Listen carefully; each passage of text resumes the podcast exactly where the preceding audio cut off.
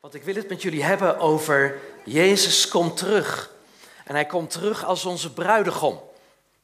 Wij zijn zijn bruid, wist je dat? Mannen, even lastig. maar jullie zijn een bruidje. en ik heb wel eens bedacht, uh, dat is een beetje raar natuurlijk hè, om over de gemeente te spreken als bruid als een groot deel man is. Maar mannen, als je begrijpt wat de gemeente is, en je begrijpt dat de gemeente geliefd is door Jezus, de bruidegom die houdt van zijn bruid, mannen, dan kun je je ook inleven hoe het is om als vrouw geliefd te zijn als je weet dat je een deel bent van die liefde van Jezus. Snap je wat ik bedoel? Dus het is niet zo gek om je in te leven in een bruid, de gemeente als man. Jezus is de bruidegom, wij zijn de bruid. Maar het helpt ons om te begrijpen ook hoe het huwelijk in elkaar zit. Ja, en hoe het is om geliefd te zijn als een bruid, maar ook om er te zijn als bruidegom voor je bruid. Dat is geweldig. Maar we gaan het over Jezus hebben. En we beginnen eigenlijk in die geschiedenis waar eigenlijk in Johannes het hele optreden van Jezus mee begint, op een bruiloftsfeest. En dat is veelzeggend. Jezus begint waar hij ook wil eindigen. En Johannes heeft dat gezien, die was daarbij. Want er waren een paar discipelen van hem toen, later werden het er twaalf, maar toen waren het er nog maar een paar die bij dat bruiloftsfeest waren. En het was gewoon een feest. Jezus was niet de centrale figuur, uh, er was gewoon een bruid en een bruidegom. Maar er is wel wat bijzonders aan de hand, want dat feest dat duurde al drie dagen. En dan zegt Jezus, en misschien dat je dat gelijk even kan laten zien in Johannes, of Jezus zegt dat niet, de, de ceremoniemeester zegt dat over Jezus dat hij de beste wijn tot nu heeft bewaard. Er is een feest, er wordt wijn geschonken. En de beste wijn, Jezus zorgt door een wonder van water in wijn te veranderen voor de beste wijn. En dan staan ze allemaal te kijken en dan zeggen ze, hm, dit is goede wijn. Ze zijn nou niet zo dronken dat ze niet konden onderscheiden wat goede wijn was en slechte wijn. De goede wijn werd tot nu bewaard. En nu is dus op die derde dag. Want daar begint die geschiedenis mee. Op de derde dag van het feest was Jezus daar ook. Die veranderde water in wijn. En dan zeggen ze, nu hebt u de beste wijn voor het laatst bewaard. Dat slaat op het moment dat Jezus dat feest met ons gaat vieren van die bruiloft. Dat hij terugkomt als onze bruidegom en dat wij de bruid zijn. Dat we hem zullen zien en dat we zullen zeggen, nou zijn we echt samen zoals u het bedoeld heeft. Want daar zijn we voor bedoeld. Nu is de derde dag. Wij leven 3000 jaar na Christus. Dit is de derde dag. Want Petrus zegt, voor God is één dag als duizend jaar en duizend jaar als één dag. Dus als je gaat rekenen, dan zou je kunnen zeggen, oké, dit is een bijzondere tijd. Dat wij hier zo bij elkaar zitten, dat is omdat we ons klaarmaken voor Jezus die terugkomt en die met ons een feestje gaat vieren. Dat is onze toekomst. En die tijd zou best wel eens nu dichtbij zijn, nu kunnen aanbreken. 3000 jaar, de derde dag waarop we samen met Jezus zullen beleven dat die beste wijn voor het laatst bewaard is, voor het moment dat Jezus zegt, nu kom ik terug. En weet je, het bijzondere is, als je, en dat is even een stukje studie, als je dat woord bruidegom in het Hebreeuws leest, laat maar zien die slide. Dankjewel Wendel, die doet het goed hè. Hartstikke goed. Dan is dat woord bruidegom in het Hebreeuws is gatan. Ja, gatan. Uh, soms hoor je dat ook wel eens, hè, in feesten nu nog, hè, want het Hebreeuws wordt nog steeds gesproken, of weer eigenlijk. Hè. Dat is opnieuw uitgevonden uh, twee eeuwen geleden uh, door meneer Herzl. En, en ze spreken dat weer. En dan hoor je ook dat woord gatan. Ik ben vaak in Israël, elk jaar heb ik wel een reis daar naartoe. En, en dan leid ik groepen die meegaan met me. En regelmatig zitten we in hotels waar bruiloftsfeesten zijn. En dan zie je dat allemaal gebeuren. En dan is daar de bruidegom, dat is de gatan. Maar in het Hebreeuws, die lettertjes, die klinkers daartussen, A en E en alles, dat kun je verwisselen. Dat maakt niet uit of het een A of een E of een O is. Het gaat om die G, die CH, en het gaat om die N en die T. Zo schrijven ze het. Wat ertussen zit, dat mag je zelf verzinnen. Ja? Maar die, die medeklinkers, daar gaat het om. Als je de T weghaalt uit Gatan, hou je CHN over. Ja? Die T is uit, CHN. En CHN staat voor genade. Ja? Dat is het woord voor genade, C-H-N. Ja. Die T is in het Hebreeuws de laatste letter van het alfabet, taf. De eerste letter is alef, de laatste letter is taf. Alef, taf is begin en einde. In de Hebreeuwse Bijbel lees je heel vaak alef, taf. Dat hebben ze niet vertaald. Maar als het erin slaat, dan slaat het altijd op Jezus. En een van de namen van Jezus is, ik ben de eerste en de laatste. Ken je dat? Ik ben Alef Taf. Ja? Kun je me volgen? Dus Alef Taf, de eerste en de laatste. Taf is de laatste. Ja. Dat is Jezus als hij terugkomt. Die T staat dus voor Taf. Staat voor Jezus die als laatste terugkomt. Aan het eind, aan het nieuwe begin. Als je die T plaatst in de genade, in CHN, als je hem daarin plaatst, dan krijg je Jezus als de bruidegom. Hoe komt hij terug? Vol van genade. Vol van liefde voor ons, vol met vergeving, vol met het besef, er is een nieuw begin. Wat een troost is dat, hè? Je kunt in moeite zitten, in zorgen. Je kunt je zorgen maken over de wereld, waar het naartoe gaat. Maar hij komt met een nieuw begin, want hij is de gatan. Hij is de bruidegom. Ja. En hij laat zijn bruidje niet in de steek. Hij is trouw. En hij is puur. Hij is helemaal op ons gericht. Hij heeft geen verborgen agenda. Hij heeft het gezegd, ik kom terug. Je zult me zien. Dan zul je bij me zijn. Dat is Jezus, de bruidegom. En hij komt terug vol van CHN, vol van genade. Ja, vol van genade komt hij terug. Je zonden zijn je vergeven. Je bent geliefd. Hij heeft een nieuw begin met je voor ogen. En dat is eigenlijk ja, de hoop die we hebben met elkaar en waar ik met je naar wil kijken. Ik ga met je lezen, Johannes 14, vers 2 en 3. En je moet eigenlijk weten dat als je daar oog voor krijgt, de Bijbel vol staat met bruidegomswoorden. Dat is heel grappig. Als je daar uh, op gaat studeren en uh, je gaat begrijpen hoe die bruiloft eruit ziet, die Joodse bruiloft, de bruiloft zoals hem bedoeld heeft, de bruiloft uit de Bijbel, dan zegt Jezus heel vaak bruiloftstaal. Als bruidegom. En wij lezen het en we zeggen, oh ja, dat hebben we wel eens gelezen. Maar als je het plaatst in de context van een bruiloft, dan gaat het heel anders spreken. Dan gaat het nog sterker leven. Dan komt het nog meer ja, tot een plaatje waar je je verbeelding kan bij gebruiken. En kan zeggen, oh, nou mag ik fantaseren over het moment dat Jezus terugkomt. En dat alles anders zal zijn. Nou, uh, daar heeft God ons de fantasie en de verbeelding voor gegeven. Hè, om daar gebruik van te maken. Die woorden zitten dus vol met uh, inspiratie, stimulans om daar ook plaatjes bij te verzinnen. Om dat ook echt voor je te zien. En uh, nou, laten we maar eens kijken. Johannes 14, vers 2. Even kijken hoor, dat staat hier. Jezus zegt daar, in het huis van mijn vader zijn veel kamers. Zou ik anders gezegd hebben dat ik een plaats voor jullie gereed ga maken? Wanneer ik een plaats voor jullie gereed gemaakt heb, kom ik terug. Dan zal ik jullie met me meenemen en dan zullen jullie zijn waar ik ben. Nou, hier staan een paar dingen. Er is een vader en die heeft een huis. Er is een zoon die gaat terug naar de vader en die gaat kamers klaarmaken. En dan zegt hij, die zoon zegt, als ik dat gedaan heb, dan kom ik terug. Daar hebben we het over, hè? Jezus komt terug. En als ik terugkom, dan zal ik jullie met mij meenemen. Dit is bruiloftstaal.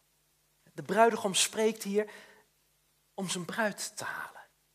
En hij wil die bruid meenemen naar de plek waar zijn vader is. Hij wil daar een feest vieren. Hij wil de beste wijn wil hij gaan drinken met ons. Daar gaat het over. Ja. Nou, het is misschien goed, en laat het plaatje er maar even bij zien, om je voor te stellen uh, hoe dat in zijn werk gaat. En dat plaatje laat ik even staan. Dat is een schilderij van Marc Chagall, een Joodse schilder, uh, die uh, veel, veel ellende heeft meegemaakt. Dus veel vervolging in pogroms in Rusland en gevlucht is naar Parijs, waar hij een beroemde schilder werd, maar toch ook heel vaak allerlei schilderijen maakte met die thema's uit de Joodse Bijbel. Wat ook onze Bijbel is en waarin hij ook Jezus verwerkt, hoewel hij een Jood was. En een van de dingen die hij graag deed, dat was een bruid en een bruidegom schilderde. En die schilderde hij dan soms gewoon maar op de plek waar de meeste plek was. Dan schilderde hij zijn eigen dorp en er was een hele lucht over en dan vlogen ze door de lucht. Tenminste, dat is eigenlijk wat de meeste mensen denken en erin zien. Wat leuk zeg, uh, die lui zijn zo verliefd, die nemen elkaar mee in de lucht. Maar dit is natuurlijk gewoon een plaatje van waar we het over hebben. Jezus komt terug en die zal ons meenemen als bruid en bruidegom. En daarom vind ik dat leuk om te laten zien. Ik hou ook erg van Marc Chagall, want het is een verhalenverteller in zijn schilderijen. Het was een tijdgenoot van Picasso, ze kenden elkaar ook. Maar deze man schildert eigenlijk veel leuker dan Picasso, joh. Maar laten we het daar niet over hebben. Wat ik eigenlijk met je wil vertellen, ik wil je even meenemen door dat, die Joodse bruiloft. Dat is heel speciaal. Er is een jongen met zijn vader in een dorp. En die jongen die kent een meisje uit een ander dorp, of heeft erover gehoord, of weet ik wat. En ze hebben iets. Ze hebben zo van, ja, ik wil, ik wil wel wat met dat meisje. En die vader is daarbij betrokken en die zegt, oké, die moet beslissen, want dat is de autoriteit. We gaan samen gaan we naar dat meisje toe. Ja. En dan meestal de eerste ontmoeting is op een openbare plaats. Niet stiekem, geen geflikvlooi, gewoon op een openbare plaats. Je ziet het vandaag de dag nog. Orthodoxe Joodse jongeren die ontmoeten elkaar de eerste keren gewoon in het hotel of in het restaurant. Ik heb dat vaak gezien, zelfs als ze heel onwennig met elkaar zijn. Dat is heel leuk om te zien. Dan ga je in de foyer zitten en dan ga je gewoon kijken naar die jongeren. Daar zit een stelletje, daar zit een stelletje en daar zit een stelletje. En dat gaat gewoon op die traditionele manier. Ze moeten elkaar aftasten, leren kennen, zonder aan elkaar te komen. En de vader staat dan op een afstandje toe te kijken. Ja. Hè? Want die moet beslissen. En er komt een moment dat die vader zegt: Oké, dit wordt wel wat. Ik ga ervoor, jij gaat ervoor, dat moet wat worden. En dan spreken ze samen af in het huis van het bruidje, bij de ouders van het bruidje. Wat er moet er van alles gebeuren. Die vader en die zoon, die nemen dan een bruidschat mee, die betalen. Zodat de bruidegom kan zeggen, ik heb jou gekocht en betaald. Ken je die woorden? Dat is bruiloftstaal, hè? Je bent gekocht en betaald. Ja, want dat ging zo in die tijd. Hè? Want dat meisje was wat waard, dat was veel geld waard. Dat was een, ja, een economisch product, hè? bijna. Zo van, uh, als jij ergens gaat werken, dan als ouders verdienen we er wat aan. En als ze afgestaan werd, ja, dan moest die vader daar maar voor betalen van de bruidegom. Dus er werd een, een, een, een, uh, een bruidschat werd er betaald. Dat was toen de gewoonte. En Jezus zegt dus, of Paulus zegt dat in Korinthe, jullie zijn gekocht en betaald. Weet je niet dat je niet van jezelf bent, maar dat je van Jezus bent? Met je lichaam en al, je bent gekocht en betaald. En wat ze daar dan ook doen op dat moment, als ze het aan het regelen zijn, dat is dat ze een contract sluiten. En in het contract, dat is heel interessant, dat zou je moeten lezen, daar staat alles wat de bruidegom zal doen voor de bruid. En er staat niks in over wat de bruid zal doen voor de bruidegom. Dat is genade. Dat is genade. Die bruidegom zal zijn woord houden, zal alles doen, zodat de bruid het goed heeft, veilig is, kan functioneren, tot bloei kan komen en al dat soort dingen. Ja, mooi is dat, hè? Hij zorgt daarvoor. En dat contract wordt ondertekend. Hij vervult de wet. Zodat de bruid niets meer te maken heeft met enige wet, enige verplichting waaraan ze zou moeten voldoen. Als hij zich aan de wet houdt, als hij de wet vervult, dan wordt zij zo gezegend, zo gevoed, dat ze tot bloei kan komen. En graag die man wil dienen en wil volgen en wil zegenen en ruimte mag krijgen om daar ook in te floreren, in die veiligheid. En daarin sterk mag worden. Echt een hulp, een helper, iemand die naast die man staat en hem tot kracht brengt. Zo zijn ze samen. Dat is leuk, hè? Contract is getekend. Wat er dan ook gebeurt, dat is heel interessant. Ze drinken samen een wijnbeker. Die wijn die zit er voortdurend in, hè, in, dat, in dat bruiloftsfeest. Echt hoor, dat gaat er heftig aan toe. Er wordt heel veel wijn gedronken. Maar dan al, hè, ze zijn nog helemaal niet getrouwd. Ze hebben alleen maar een afspraak gemaakt. In het huis van die bruid, daar wordt de wijnbeker geschonken. En dan gaan die twee mannen gaan weg, die vader en die zoon. Dat bruidje blijft achter en ze mag die wijnbeker houden. Ja. En dan zegt die bruidegom, ik zal hem niet meer drinken totdat ik bij je terugkom. Ken je die woorden? Maar ze heeft de wijnbeker. Dus ze kan er voortdurend uit drinken. En zeggen, wij hebben een afspraak. Hier is de wijnbeker. Dat is dankbaarheid. De dankbare wijnbeker. Ken je die? Van het avondmaal. Het is allemaal bruiloftstaal. Allemaal bruiloftssymboliek. Dus zo blijft zij eigenlijk verbonden in die afspraak die ze samen hebben. Ik ben er voor jou, jij bent er voor mij. En daar kan niemand meer tussenkomen. Dat is in de voorbereiding van het huwelijk is dat al helemaal geregeld. En wat gaat ze dan doen? Dan gaat ze een bruiloftskleed gaat ze weven, puur wit, en die hangt ze klaar.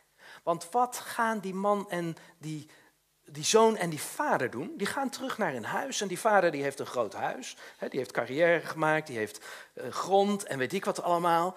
En wat doet die zoon dan? Die gaat een huisje aanbouwen voor zichzelf en voor zijn zoon. Eh, voor, zijn, voor zijn bruid. Hè. Die zoon gaat een huisje bouwen voor zijn meisje. Want die komt straks. Ik ga naar mijn vader. En daar maak ik een kamer. Ja. Maar ja, dan is hij bezig, hij heeft een kamer gemaakt en weet ik wat. Maar hij weet niet wanneer hij naar zijn bruid moet. Dat beslist hij niet. Dat beslist de vader. Niemand weet wanneer hij komt, behalve de vader. Ken je die woorden van Jezus? Dat is bruiloftstaal. Niemand weet het, alleen de vader weet het. Zelfs de zoon weet het niet, zegt Jezus. Wanneer ik terugkom. Alleen de vader weet het, die beslist dat. Ja? Nou, dan is dat huis helemaal klaar. En die bruid, bruidegom heeft laten zien, mijn meisje past in het huis van mijn vader. Ze voldoet helemaal. En de plek is helemaal klaar, zodat dat meisje zich compleet thuis kan voelen. Helemaal op de gemak gesteld is en tot bloei kan komen. En dan zegt die vader, ga. En dan gaat die zoon, en die neemt zijn beste vriend mee. En dan gaat ook een hele club andere jongens gaat erachteraan als je in Israël bent. En je hebt zo'n traditionele bruiloft, zie je dat gebeuren. Dan krijg je zo'n hele club jongens, die lopen meestal in het zwart-wit. Met allemaal baarden en zo, want dat is heel traditioneel. Gewoon in een modern hotel. En dan lopen ze rond dat hotel, of van de ene plek naar de andere plek. Plek van de man naar de plek van het meisje. En dan maken ze een herrie, joh. Dan stampen ze en dan lopen ze te dansen en te, en te zingen. En een heel orkest doet mee, zo'n klezmerorkest, weet je wel. Met, met van die saxofoons en uh, klarinetten vooral. Hè, en en uh, nou ja, allemaal, van die, allemaal van die dingen, weet je wel. En dat gaat er heftig aan toe. Echt op zijn oosters. Want dan gaan ze naar het meisje toe. En dan roept die vriend van de bruidegom, die roept vooruit en die trompet op zijn shofar. De bazuin schalt. Oh, daar komt de bruidegom aan, denkt dat meisje. En dan roept de bruidegom roept, roept de naam van het meisje. En dat meisje heeft eigenlijk nauwelijks de kans om afscheid te nemen of wat dan ook. In een oogwenk, in een kort moment, wordt ze meegenomen, meegesleurd. Want ze staat voor de deur klaar in de witte gewaad en ze wordt meegesleurd. En dan wordt ze in die optocht wordt ze meegenomen naar dat dorp, naar dat huis van de vader en de bruidegom. En dat is een groot feest, want Harry is nu dubbel. Want die bruid neemt haar vriendinnen mee. Ja. En die vriendinnen, die hebben al die tijd hebben ze klaar moeten zitten met hun lampjes. Want het gebeurt altijd s'nachts dat die bruidegom komt. Want het moet een verrassing zijn. Hij komt als een dief in de nacht. Ken je die woorden? Het is bruiloftstaal. Hij komt als een dief in de nacht. Dus, dus er is altijd een soort spanning, wanneer zal die komen? En niet alleen bij die bruid, maar ook bij de vriendinnen. En die hebben hun lampjes klaar. En er zijn er zelfs tommelingen die hebben hun lampjes niet klaar. Die komen te laat. Maar de rest gaat mee. Die komt en hebben hun lampjes. En zo is het een hele stoet in de nacht. Met lampjes, met fakkels, met uh, muziek. Met rijst dat rondgestrooid wordt. Uh, bloemen die rondgestrooid worden. Weet ik wat allemaal. Op weg naar dat dorp van de bruid. Waar de bruid gaat wonen van de bruidegom. Hè, met de vader. En die vader is niet mee geweest, maar die staat er al klaar. En dan zegt die bruidegom tegen de bruid: Ik heb een plaats voor je klaargemaakt. Jij mag straks in het huis van mijn vader zijn. Er zijn vele woningen. Daar pas jij ook in. Leuk hè? Ken je die taal? Ken je die woorden? En dan wordt die bruid wordt door de bruidegom meegevoerd naar de plek waar de zegen zich afspeelt. Voor het huis is een goepa. En een goepa is een, een, een afdakje op palen waar een doek overheen hangt. Vaak is dat de gebedsdoek van de bruidegom. Ja. Uh, die talit, ander woord voor talit is ook vleugels, hè, die gebedsdoek, vleugels. Onder de vleugels van de Heer is genezing. Daar gaat de zon van gerechtigheid op, staat er in Malachi. Daar gaat de zon op die zegt, jij bent alleen maar goed, je bent goedgekeurd, gerechtigheid, er is je recht gedaan. En dat gebeurt onder die goepa. En dan komt die vader erbij en die gaat zegenen. Die gaat goede woorden uitspreken die voor hun leven van invloed zullen zijn. Want dat is zegenen. En als dat gebeurd is, dan loopt die bruidegom loopt zeven keer om het bruidje heen. Dat is apart. Wij zouden zeggen, houd erop man, na één keer of na twee keer. Hij heeft het niet zo stom. Weet je wel, onze, onze meiden hebben dan zoiets van, ja nou is het genoeg, nou weet ik het wel. Zeven keer. Weet je wat dat wil zeggen? Hier is een nieuwe schepping ontstaan. Want God schiep in zeven dagen. Ja. Hier gaat iets nieuws gebeuren. Zie, ik maak alle dingen nieuw. Ja. En dat gebeurt daar en ze zien dat. En bij elke uh, rondgang is er weer een zegen, is er weer een zegen. En God zag dat het goed was. En God zag dat het goed was. Dat komt voortdurend in het bruiloftsfeest komt dat naar voren. Leuk hè? Het is nog niet klaar hoor. Het moet eigenlijk nog beginnen hè. Als je getrouwd bent, dan weet je wel waarmee het moet beginnen. Toch? Ja, of als je gaat trouwen. Ze staan daar. Weer wordt er een beker opgeheven. Ja, dat gaat maar door, hè. ze blijven drinken. Uh, volgens mij mag de vader van de bruid nog wat extra drinken ook. ik weet het niet precies, maar zo gaat het volgens mij. maar die, die, die beker, die feestbeker, die gaat maar mee van die goede wijn, de beste wijn voor het laatst. En dan worden die bruid en die bruidegom worden allebei gekroond. Dat is ook mooi, hè? Ze krijgen een kroon op. Ze zijn de koning en de koningin geworden. Ik heb jullie tot koningskinderen gemaakt. Jullie zullen heersen als koningen. Bruiloftstaal is dat ook weer. Je krijgt een kroon op dan. En uh, in de, ik weet niet of het in de Bijbel, in de tijd van de Bijbel zo was, maar in ieder geval, wat, wat je ook veel ziet gebeuren is, dan moeten ze op een troon gaan zitten, op een stoel. En dan wordt die stoel wordt boven de hoofden van de mensen gegeven. En dan. En dan zitten die bruid en die bruidegom zitten. Weet je wel? Ja, dan is het echt feest. Hè? Dan zijn ze gekroond als koning, opgegeven, opgetild. U tilt mij op. Hebben we toch gezongen? Ja, dat is bruiloftstaal. Dat gebeurt dan, hè? Dat gebeurt dan. En als dat gebeurd is, dan komt alles tot rust. En dan mogen die twee vanuit die groepa door de deur zeven dagen elkaar verkennen. Ja, daar gebeurt wat je in een huwelijksnacht doet, alleen het wordt een beetje opgerekt, hè, want je mag elkaar nu gaan leren kennen. En na zeven dagen komen ze tevoorschijn en dan staat er een enorme tafel klaar. En al die mensen zitten aan tafel. Hè, dat is een tafel langer dan de tafels in Italië, hè, die je bij die pasta-reclame ziet en zo. Weet je wel, langer nog. en aan het hoofd zitten dan de koning en de koningin, samen met de vader en de moeder en de vader en de moeder. En dan is het feest compleet. En dan zegt Jezus, jullie zullen de maaltijd met mij vieren. Zie, ik sta erdoor en ik klop, ik wil maaltijd met je houden. Dat is ook weer allemaal bruiloftstaal.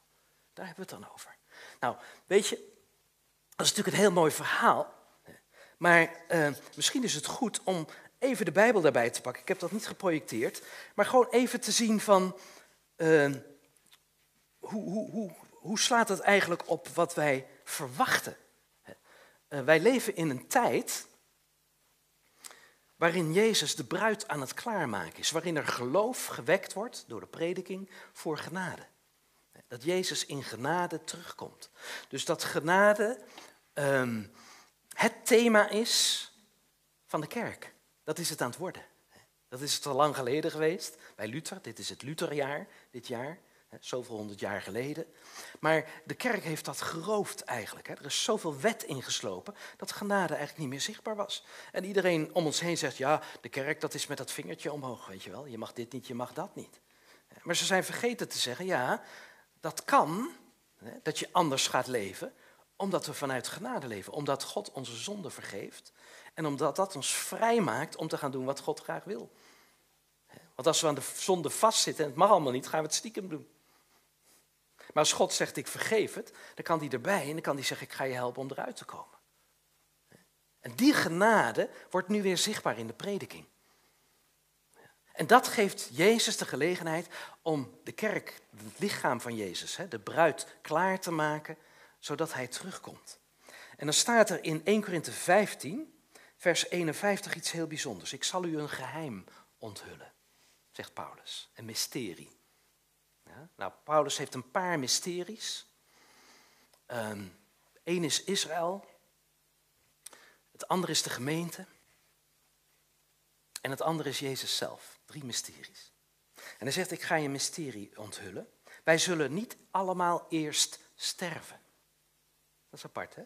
In de wereld zijn ze nu heel erg bezig. Kunnen we blijven leven als we de juiste middelen hebben? Celletjes, uh, atoompjes, weet ik wat allemaal. Uh, medicijnen om langer te blijven leven. Nou, Paulus zegt hier, we zullen niet eerst allemaal sterven. Er zullen mensen zijn die niet zullen sterven. Waarom? Omdat er iets bijzonders gaat gebeuren. Hè? Er gaan nog steeds mensen dood, nu ook. Maar er komt een moment in de geschiedenis van mensen dat niet iedereen zal weten wat doodgaan is. Zegt hij hier. Nou, als je dat hoort, dan denk je, oh wauw, daar moet ik even wat meer van weten. Toch zullen we allemaal veranderd worden, zegt hij dan, in een ondeelbaar ogenblik, in een oogwenk. Dus we zullen niet allemaal sterven, maar de doden en de levenden zullen allemaal in een oogwenk veranderd worden. In een atoommoment staat er letterlijk in de Griekse taal. Ja. Nou, wij weten tegenwoordig dat atomen zo klein zijn, maar zo krachtig dat zelfs op een hele grote afstand atomen met elkaar verbonden kunnen zijn. Ja, gebed. Wij weten ook dat dingen uit elkaar kunnen vallen in een atoomsplitsing, maar op een andere manier weer bij elkaar gebracht kunnen worden. Dat is allemaal door de wetenschap ontdekt. Dus deze woorden hebben ook vanuit de wetenschap betekenis. Wij zullen in een oogwenk veranderen. Wij zullen in een ondeelbaar ogenblik veranderen. Wij zullen anders worden. Er zal iets gebeuren wat alles, de hele wereld, de hele schepping, maar ook ons persoonlijk zo verandert als God zijn werk gedaan heeft en zegt, nou ga ik opnieuw beginnen. Want dan zegt Paulus, wanneer de bazuin het einde inluidt. Ja? Wanneer de shofar klinkt, dat Jezus terugkomt. Er zal een geluid zijn, en dat zal een geluid zijn die voortgebracht wordt door de vriend van de bruidegom. Dat zal een geluid zijn waar wij ook in mee zullen doen. Een geluid van een bazuin die het einde inluidt. Of eigenlijk het nieuwe begin. Wanneer de bazuin weer klinkt, ik maak dit vers even af. Wanneer de bazuin weer klinkt, zullen de doden worden opgewekt. Met een onvergankelijk lichaam. En zullen ook wij veranderen. Dat is wat? De doden worden dan opgewekt in een moment van de tijd. Je ziet het niet gebeuren, zo snel gaat het. En ze krijgen een nieuw lichaam. Iedereen die je in je leven hebt gekend, die gestorven is en die door Jezus wordt opgewekt, omdat die persoon Jezus kent, die zal in een ondeelbaar ogenblik zal die veranderen, een nieuw lichaam krijgen, zegt Paulus. Wat een hoop is dat, wat een bijzondere tekst is dit. Wat horen we dat eigenlijk weinig? Terwijl dit ja, eigenlijk helemaal bij ons leven hoort. We stoppen de dood weg, maar de dood is niet het einde van het verhaal. De dood is bedoeld om te wachten op een nieuw begin. Ja, het is een verhuizing. We nemen afscheid van mensen als ze sterven, maar in de verhuizing komen we elkaar weer tegen. En als wij niet zullen sterven omdat Jezus in ons leven komt, zullen we ook hen weer ontmoeten, ook hen weer meemaken. Want het vergankelijke lichaam moet worden bekleed met het onvergankelijke. Het sterfelijke met het onsterfelijke. Paulus zegt dat is, er is een schepping geweest waarin alles sterft. Maar dat is niet de bedoeling. Er moet iets nieuws voortkomen. Dan gaat hij verder, dan zegt hij, het is net als een zaadje. Dat moet ook eerst de grond in. Jezus heeft het ook al gezegd, dat moet sterven. En Jezus zei het over zichzelf, hij moest sterven om op te staan in een nieuw leven. Maar Paulus zegt, dat zullen wij ook. En dan zullen we allemaal stralen. De een als de zon, de ander als de maan, de ander als sterren. Want we krijgen allemaal onze eigen glanskwaliteit. En hij zegt dat heeft te maken met hoe je op aarde leefde. Kwaliteit van glans is verschillend, maar iedereen zal stralen, zal zeggen, dit ben ik. Zo heeft God mij gemaakt. Dat is zijn genade. Kijk eens wie ik mag zijn in de eeuwigheid. Weet je dat Abraham dat al gezien had? Die droomde daarvan. Hè? Die lag te slapen en die zag toen de rechtvaardigen als sterren stralen aan de hemel. Weet je dat? Ken je dat? Dat komt uit Genesis, Genesis 23, maar je leest het ook in Hebreeën. Abraham zag het al voor zich, dat wij met een nieuw lichaam, een hemels lichaam, herschapen worden. En dan begrijp je waar dat hele grote heelal voor bedoeld is. Dat begrijp je nou. Weet je wat het verschil is tussen dat hele grote universum, wat ze aan het ontdekken zijn, waarvan ze verbaasd over zijn, dat het zo groot is en dat het nog steeds groter wordt, het dijt uit. En de wetenschappers denken, hoe is het mogelijk? Waar is dat voor? En ze hopen dat ze ergens iets van leven vinden. Maar het heelal zo groot en in die verhouding zo levenloos ten opzichte van dat hele kleine bolletje aarde waar zoveel leven in zit. Want dat hele grote van het heelal, dat zit ook in dat hele kleine beetje leven. Precies hetzelfde. Dezelfde verhoudingen, alleen in het kleine. En dat leeft. Nou, dat hele grote heelal is bedoeld voor ons, zodat wij daar straks leven in zullen brengen. Want wij zullen stralen als de sterren. En wij zullen, als het evenbeeld van God, zullen wij onze plek innemen in dat heelal. Daar heeft Abraham al van gedroomd. En dit, deze woorden geven eigenlijk voeding aan dat geloof. En Paulus zegt ook van, als je dat vertelt aan elkaar, troost elkaar met die woorden. Als er tegen de dood aanloopt, het is niet het einde. En als je denkt dat heelal is zo groot en wij zijn zo klein, troost elkaar dat er een bedoeling is daarmee. Dat God dat allemaal klaargemaakt heeft voor Jezus en de bruid. Zodat we straks met Hem verbonden zijn in innige liefde en uit kunnen gaan als Zijn bruid om alles te herstellen naar Zijn wil. En om daar glans in te brengen. Nou, dat is wat hier staat. Hè? En dan mag je misschien ook nog even 1 Thessalonicense 4 lezen. Dat heb ik ook niet geprojecteerd. Maar ik dacht, we hebben even wat tijd, dus uh, ik kan het wel lezen. Dat is heel mooi hè? en ik zie jullie genieten. 1 Thessalonicense 4, vers 16. Daar staat bijna hetzelfde, ietsje anders, maar het benadrukt dan diezelfde dingen weer. Wanneer het signaal gegeven wordt. Er is een signaal van de vriend van de bruidegom. Ja? De aartsengel zijn stem verheft en de bazuin van God weer klinkt. Dan zal de Heer zelf uit de hemel neerdalen. Jezus woont in een andere dimensie dan wij, als mens. Hij is nog steeds mens in de hemel. En zelfs in de wetenschap geloven ze tegenwoordig in meerdere dimensies. Ja, dat is wel heel leuk, hè? wat in de Bijbel staat. Via een hele grote omweg komt de wetenschap er ook achter. Dan zullen eerst de doden die Christus toebehoren opstaan. Dat hebben we net gelezen. Hè? De doden zullen opstaan, die eerst. Die reageren het eerst. En daarna zullen wij, die nog in leven zijn, samen met hen worden weggevoerd op de wolken. En gaan we de Heer in de lucht tegemoet. Dus er is een moment, een ondeelbaar ogenblik, waarin de doden zullen opstaan, wij veranderd zullen worden, hè, als in een atoomexplosie. En wanneer is dat? Als Jezus met groot kabaal, met de wolken, terugkomt. En daar worden wij meegenomen. De bruid wordt meegenomen. Want God heeft nog een plan met deze aarde dat hij af gaat maken, zonder ons. En dan komen we terug. Dan is er een nieuwe hemel en een nieuwe aarde. En dan zal alles zijn zoals God het bedoeld heeft. Dan zullen wij die bruid en die bruidegom zijn die dat heelal vullen met liefde en met Gods heerlijkheid. Daar zien we naar uit. En Paulus zegt, troost elkaar met die woorden. Nou, weet je wat nou het leuke is? Breng het even terug naar hier en nu.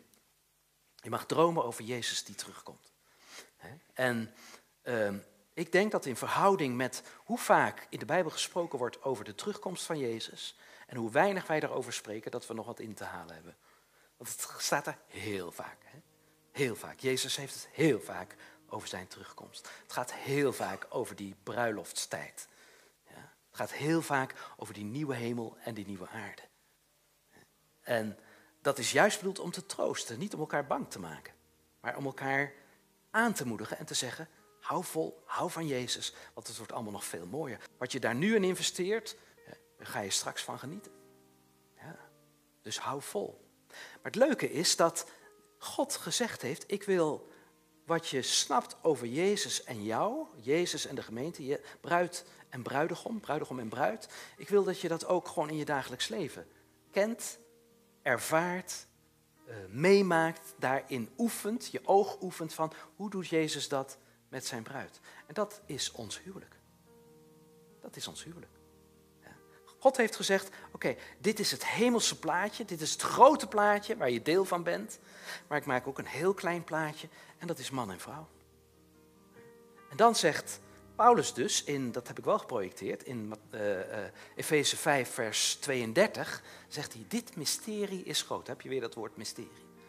En dan heeft hij het over het huwelijk, want het huwelijk is een mysterie. Dan zegt hij, maar het slaat, het heeft betrekking op Christus en de gemeente. Het heeft betrekking, het huwelijk, ons huwelijk, bruid en bruidegom, heeft betrekking op de gemeente, de bruid en op Jezus, de bruidegom. En lieve mensen, ja, zo is het hè. Lieve mensen, als je uh, getrouwd bent, is dat je inspiratie. Hoe gaat Jezus om met de gemeente? Hoe gaat de gemeente om met Jezus? En wat je dan ziet, en daar wil ik mee afsluiten, dat zegt Paulus ook in, in uh, Efeze 5. Hij zegt, mannen, heb je vrouw lief zoals Christus de gemeente heeft lief gehad en zich voor haar heeft overgegeven. Jezus gaf zichzelf over aan de bruid. Mannen, heb zo je vrouw lief. Ga voor haar. Ze heeft liefde nodig. Vrouwen, erken het gezag van je man. Zoals de gemeente Christus erkent en hem eert. We hebben net nog met onze handen in de lucht gestaan. Vrouwen, erken het gezag van je man. Want dat heeft je man nodig. Dat hij erkend wordt, dat hij geëerd wordt, dat er respect is voor hem. Want dan wordt hij een sterke man. En de vrouw is de eerste die hem dat kan geven. En dan zit je helemaal in de lijn eigenlijk van Jezus, de bruidegom die terugkomt straks. En in welke verhouding hij zal omgaan met de bruid. Hij geeft zichzelf over. Hij geeft alles wat hij heeft. Hij houdt van haar. En dat voedt die bruid met het besef, ik mag er zijn. Ik ben zo geliefd. Vrouwen, jullie zijn zo geliefd. En ook als je niet getrouwd bent, zo kijkt Jezus naar je. Dat heb je nodig. En mannen, Jezus beschermt zijn vrouw. Mannen, Jezus gaat ervoor. Mannen, Jezus heeft focus. Vrouwen, de gemeente eert Jezus, zegt jij bent mijn kanja, jij bent mijn held. Hè? U bent alles voor mij. Wat kunnen we allemaal niet zingen over Jezus? Wat geef je aan je man? Hij heeft dat nodig. Want mannetjes worden slap als ze dat niet horen. Dan voelen ze zich de zak. Misschien nog een erger woord. ja, mannen hebben nodig dat ze bemoedigd worden. En dat ze geëerd worden. En je kan zeggen dat is egoïstisch. Nee, dat zit in hun aard. Dat zit ook in de aard van Jezus. Als je Jezus niet eert, zul je niks van hem merken. Dan gaat zijn kracht gaat verloren. Maar als je hem eert, dan komt hij in je leven. En dan vult hij je met kracht en met liefde. En met uh, energie, de geest die een mooie mens van je maakt. Mannen, jullie zijn mooie mensen. Jullie zijn geweldig. Jullie zijn helden. Jullie zijn het waard om gehoord en gezien te worden. Jullie zijn het waard om besluiten te nemen en daarnaar te luisteren. Allemaal. Want zo kijken we naar Jezus. En zo kijkt Jezus naar ons, hoe wij dat in de praktijk uitwerken. Zullen we hem danken? Dank u Jezus dat dat enorme perspectief van dat u terug gaat komen, dat dat past in dat leuke plaatje van de Joodse bruiloft. Hier dat het in van die geweldige woorden in uw woord, in de Bijbel, naar ons toe komt. En in beelden en in plaatjes. Dat grote beeld, u zult komen. En wij willen ons graag klaarmaken, we verlangen ernaar, Heer. Wat, wat een avontuur zal dat zijn, wat een nieuwheid. Heer, wat een ja, enerverend leven. Om u te zien, zoals u bent. Dank u, Jezus. Johannes zegt, we zullen hem zien zoals hij is, omdat we dan aan hem gelijk zullen zijn. 1 Johannes 2. En iedereen die dat gelooft en daarnaar verlangt, die reinigt zichzelf. Die is niet meer bezig met allerlei onzin, met afleiding, maar die zegt, nu weet ik waarvoor ik leef. Daar wil ik voor gaan. Jezus zal komen. Hij is mijn belangrijkste invloed in mijn leven. Dank u dat u ons daarmee wil zegenen, daarin wil bemoedigen. En dank u Jezus dat in dat hele grote plaatje er ook iets heel kleins en teers is, wat we nu hier op aarde mogen ontdekken, mogen beleven, hoe een man en vrouw met elkaar omgaan. Met u als inspiratie. Daarom zegen ik de huwelijken. Ook de mensen die niet getrouwd zijn, dat je zult begrijpen hoe een man is, hoe een vrouw is, hoe jij bent. wat je daarin kunt betekenen voor de andere seksen. Want je bent allemaal betrokken bij dat plan van God. Jezus maakt een kamer voor ons klaar waar we thuis zullen zijn, bij de Vader. Daar is het goed. Dank u, Jezus. Amen.